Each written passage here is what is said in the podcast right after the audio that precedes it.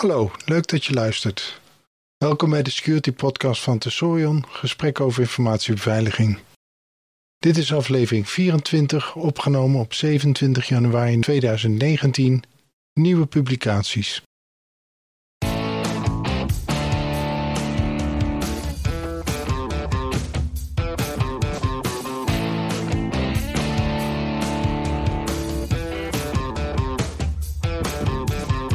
In deze aflevering Tim Cook's privacy essay en het boek Unhacked. Ik ben Lex Borger en dit is een mini-podcast.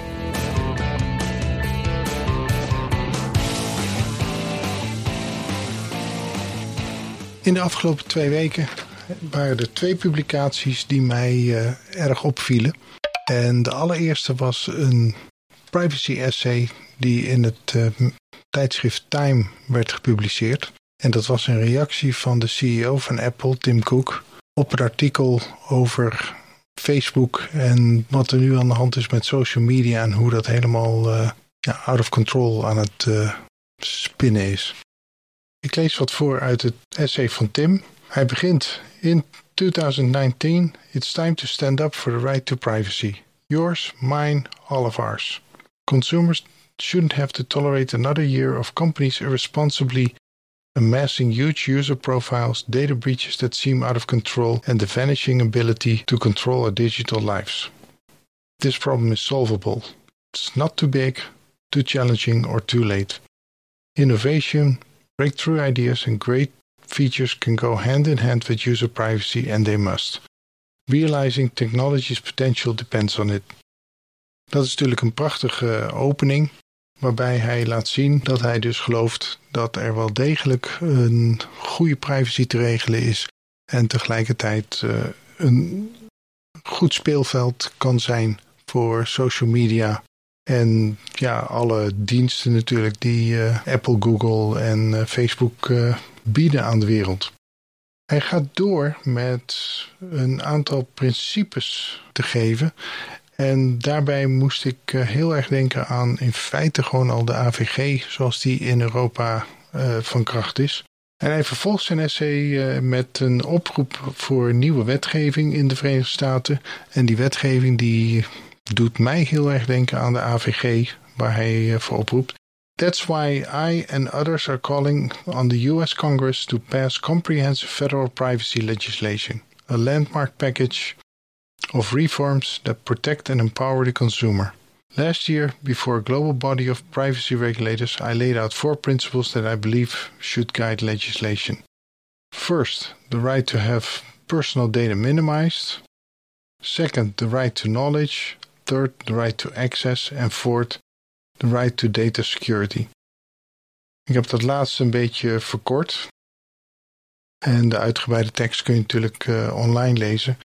Maar als je dus gaat kijken naar de AVG, de, de first right to have personal data minimized, is, worden in de AVG afgedekt door uh, doelbinding, toestemming.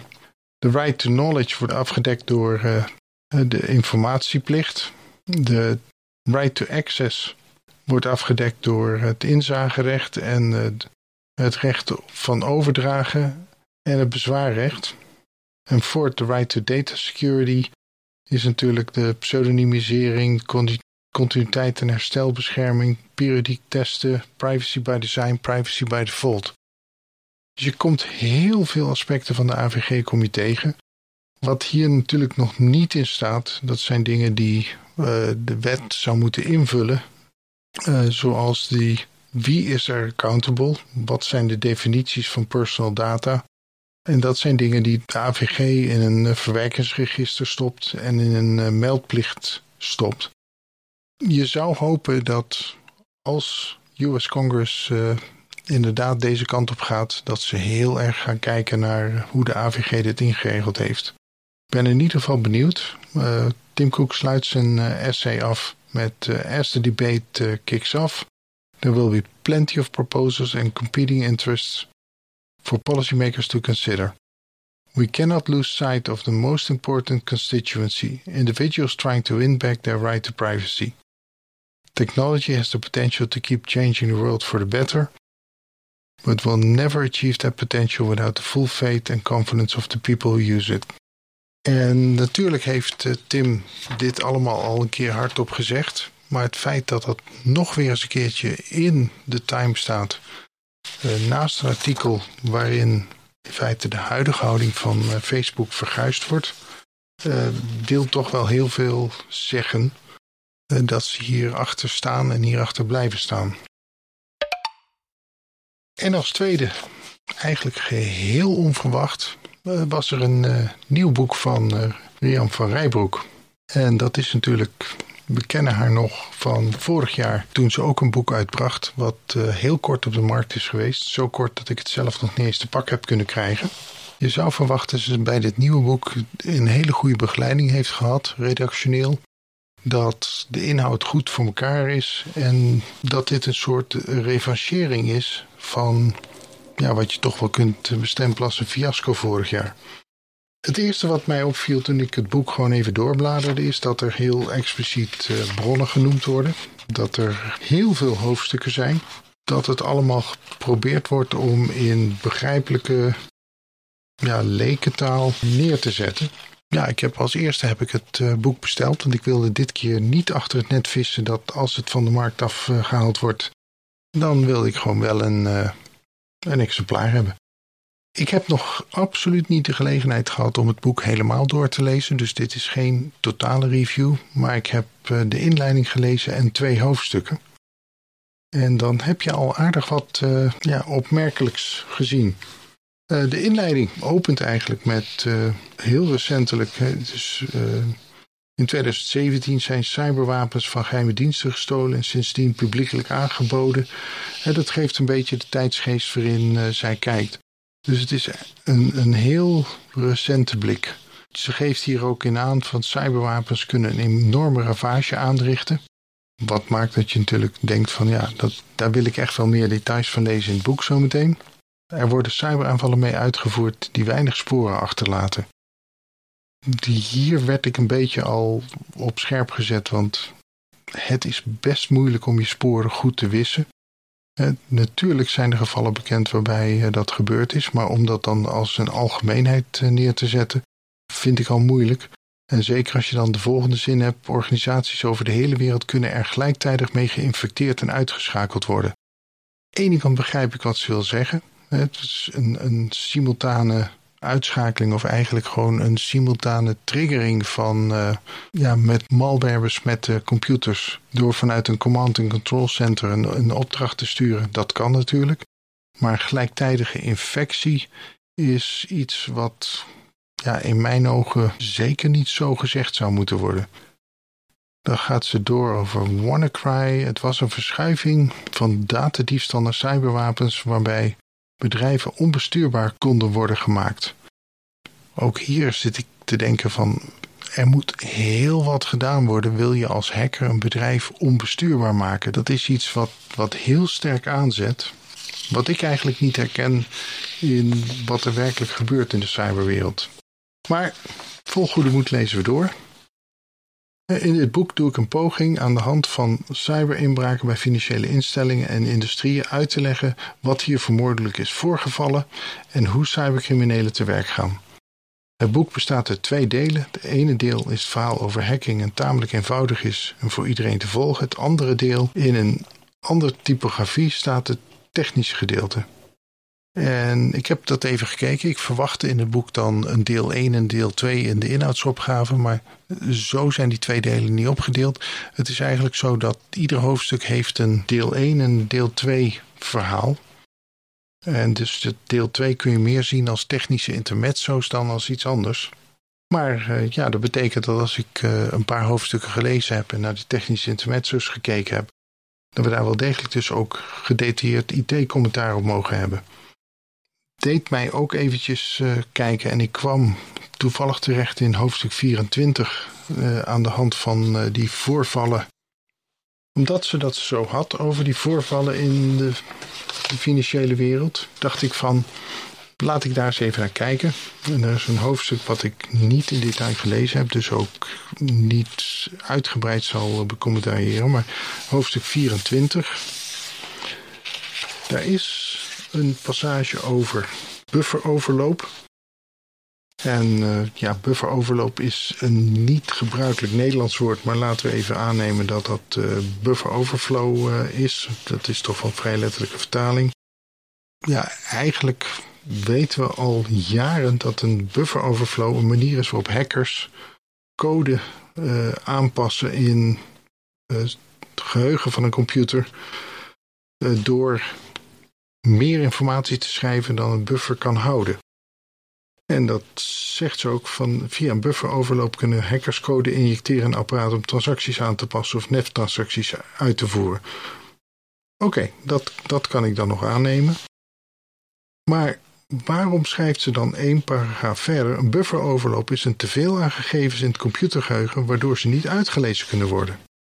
En ook kunnen hackers een programma schrijven dat te groot is voor de buffer om, ze, om te verwerken dan ga je dus ineens een buffer overflow uh, in de context trekken van een DDoS aanval. Uh, dat soort sprongetjes maken het niet makkelijk in het leesgedrag.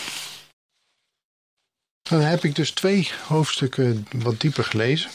Dus hoofdstuk 11 eh, is het eerste hoofdstuk, dat heet Datacenter. En dat gaat over de cloud. Juist omdat een hoofdstuk met die titel heel diep over de cloud gaat, vond ik het al interessant. Maar aan de andere kant, ja, uh, ze begint ook met uit te leggen dat wat in de cloud draait, uiteindelijk in een datacenter draait. Dus ja, als dat je belangrijkste boodschap is, dan kan ik me voorstellen dat je het, uh, de, hoofdstuk zo een uh, titel geeft. In haar inleiding krijg je dan, lees even een klein stukje. Met de hardware en de software creëer je dus een geheel, een wolk in de lucht. In de cloud kun je functies regelen met software. Zo kun je informatie en data beheren. Maar volgens mij heb je daar niet de cloud voor nodig. Uh, is dat uh, met software beheer je uh, informatie en data.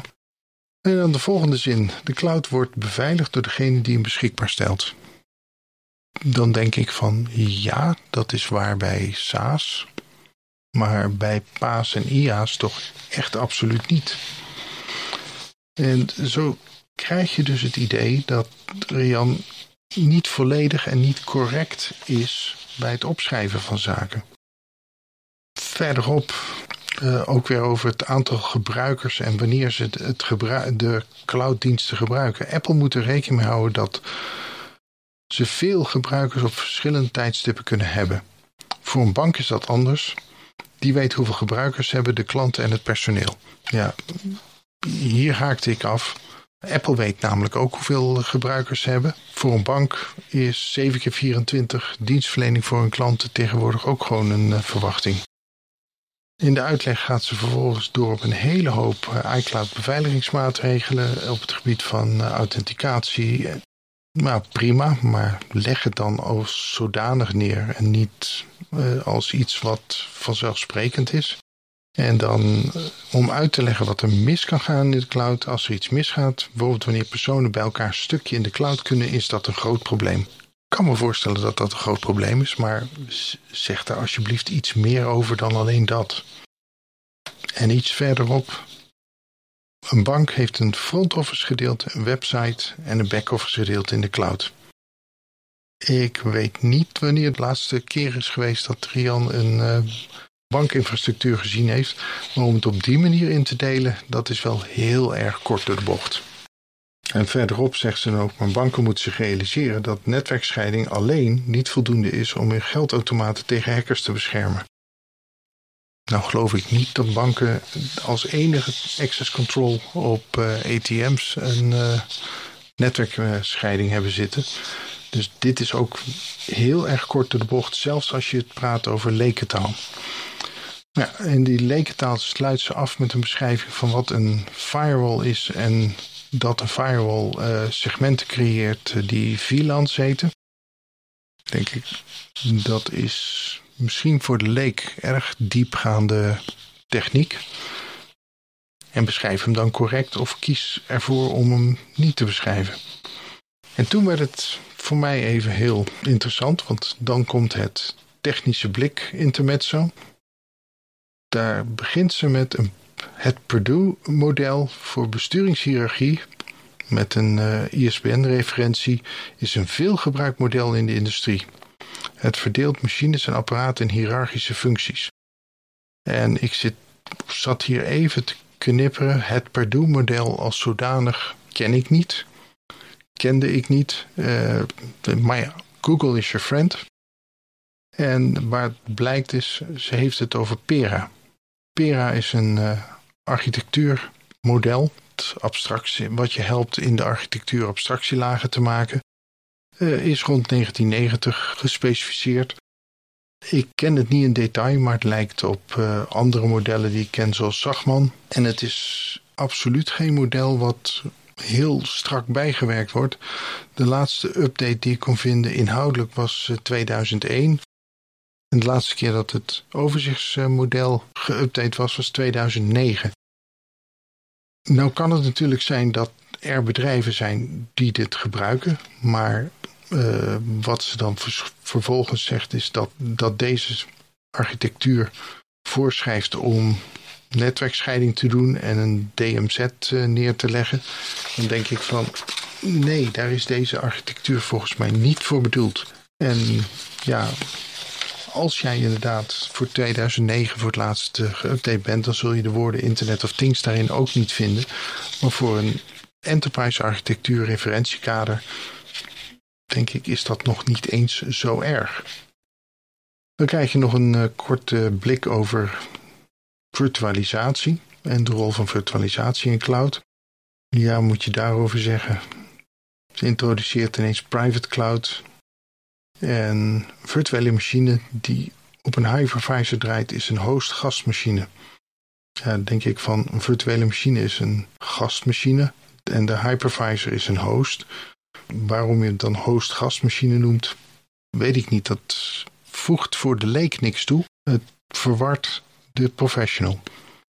En ja, verderop is het dan ook weer dat ze uh, virtual machines, netwerksegmenten uh, met elkaar verwart.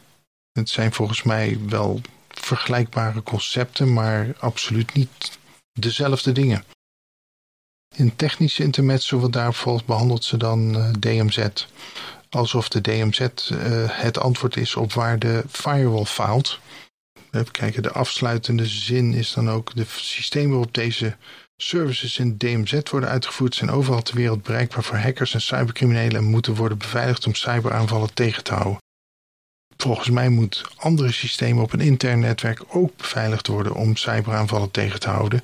En is er aan zich niks speciaal aan een DMZ om in die zin uh, apart te bekijken. Het is natuurlijk wel dat de DMZ jouw visitekaartje naar buiten is. Maar ja, dat is waarom je allerlei proxies neerzet. En dat beschrijft ze ook. Proxies voor web uh, e-mail, DNS, FTP. En om inderdaad vandaag de dag over FTP te spreken, eh, in een technische blik, vind ik ook een beetje kort door de bocht. En waar ze geheel ook aan voorbij gaat, en iets wat uh, toch wel heel essentieel is, is dat alle systemen in de DMZ uiteindelijk toch een connectie naar binnen toe hebben. En niet zo geïsoleerd zijn als zij doet blijken in haar teksten omdat ik niet wilde dat dit misschien een slecht hoofdstuk was wat ik genomen had, dacht ik, ik pak nog een ander hoofdstuk. En dat hoofdstuk versleuteling, hoofdstuk 14. En dan ga ik uh, kijken. Dan heeft ze het over encryptie en encryptiesleutels. Encryptiesleutels die bestaan uit een serie van tientallen of honderden cijfers en letters. En hierbij toon je in mijn ogen dat je toch verkeerd naar zo'n sleutel kijkt. Want zo'n sleutel is gewoon, hè, hoe je het ook went of keert, een serie van bits. Nou, of je dit nou menselijk afbeeldbaar maakt naar cijfers en letters, doet daar niks aan af. Het is gewoon een uh, serie bits en dat is de meest krachtige en universele manier om een sleutel aan te duiden. Ja, het valt mij ook op dat er dan af en toe in de tekst staat, hier staat bron Wikipedia. Ja, dat is natuurlijk een zeer onvolledige bronvermelding. Jij vraagt je af waarom hier dan specifiek een bronvermelding bij staat. Nou, dan krijg je wat referenties naar een artikel op 9 april van 2018 van de Volkskrant. Uh, waarbij genoemd wordt dat uh, laptops en mobiele telefoons op afstand leeggetrokken worden en overgenomen worden door China, Rusland, Iran en Turkije. Dat zijn artikelen die missen wat context. En de context die zij geeft in het boek is volgens mij ook niet meer van deze tijd. En toen kreeg, kwam er een tussenkop die mij heel veel vraagtekens gaf. Versleuteling is niet de oplossing. Behalve dat daar dan een relaas gaat over ja, een aantal mensen die gehackt zijn en waarbij je zegt van oké, daar is de versleuteling kennelijk doorbroken. Maar dan krijg je dus een statement als firmware in machineapparaten is niet cryptografisch beveiligd. De toegangscontrole ontbreekt. Nou, dat is volgens mij als algemeen statement absoluut niet waar. Uh, je kunt wel zeggen dat als firmware niet beschermd is, dan heb je daar natuurlijk een, uh, een zwakke plek zitten. En ja, dat kan. Wat ik hier bijvoorbeeld dan mis, is uh, een verwijzing naar de telefoon van de terrorist in San Bernardino, die uh, waar juist een hele discussie over was dat de encryptie zo goed was dat ze niet in de telefoon konden inbreken. Maar verderop zegt ze: encryptie werkt bij Apple omdat hij door Apple opgezet wordt. Uh, dit nadat ze uitlegt dat als de telefoon in China gemaakt wordt, dat de, de telefoon niet te vertrouwen is. Maar ja. En ze gaat heel erg hard door op uh, de iBoot, de gelekte iBoot uh, source code in februari 2018. Uh, dit noemt ze niet specifiek, maar uit de context maak ik op dat ze het daarover heeft. En dan zegt ze gewoon dat ja, de iBoot, dus het, het, het bootsysteem van de iPhone, uh, wordt gewoon door, letterlijk zegt ze, die slimme Chinezen scannen en registreren je apparaatnummers bij de grens. En vervolgens worden de apparaten op afstand geïnjecteerd via kwetsbaarheden in iBoot. Zo'n hard statement is door niemand gemaakt. Vervolgens krijg je een technische blik. In die technische blik wordt uitgelegd dat een mobiele telefoon herkend kan worden door zijn ICC-ID, door zijn IMEI-nummer. En bij die uitleg wordt eigenlijk verkeerd uitgelegd hoe het mobiele netwerk werkt. Want de ICC-ID is in feite de kenmerk in je SIM. En dat is hoe jouw telefoonprovider jou vindt. En ze zegt over het e-mailnummer heel specifiek. Via dit nummer krijgt je telefoon toegang tot het netwerk van je provider. Nee, dat is niet waar. Een provider kan een sms sturen naar een ICC-ID-nummer of naar een e-mailnummer. Ook dat is niet waar. Ook kan een provider via deze nummers achterhalen waar de simkaart of een toestel is. Dat klopt. Politie kan dat ook, dat klopt. Uh, dan heeft het over het wijzigen van het e-mailnummer in het toestel, waardoor het toestel voor de politie of provider onvindbaar wordt. Nou, dat is weer niet waar. En dan nog een eh, claim als een hacker wil inbreken op een simkaart of een toestel, heeft hij deze nummers nodig. Via deze nummers kan hij malware injecteren in iBoot of het chipprogramma. Dan gaan we dus weer naar de andere claim. En ja, hier is absoluut geen bewijs voor dat dit toegepast is. Vervolgens is haar opmerking over soorten encryptie, asymmetrische encryptie, incompleet. Uh, want ze zegt uh, de public key, openbaar sleutel, wordt gebruikt voor het coderen van gegevens. En de private key wordt gebruikt voor het decoderen van gegevens. Dat kan, maar eigenlijk de meest gebruikte vorm van asymmetrische encryptie is wanneer de private key gebruikt wordt voor het versleutelen van gegevens en de public key gebruikt wordt voor het decoderen van de gegevens.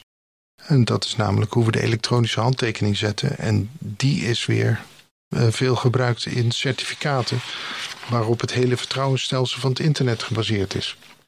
En dan komt ze nog met één uh, paragraaf over het concept key escrow. En ik heb het hele rest van het boek doorgekeken. Het woord key escrow komt nergens anders terug dan in deze paragraaf en in de verklarende woordenlijst. En dan krijg je toch het gevoel van waarom leg je dat hier uit? Waarom wordt dat erbij gehaald? Ieder hoofdstuk, dat had ik bij het andere hoofdstuk ook kunnen zeggen, ieder hoofdstuk heeft een uh, hoeveelheid bronnen die genoemd worden. Naar mijn mening absoluut niet compleet. Ook absoluut niet specifiek genoeg om echt te helpen begrijpen waar het allemaal uh, om draait.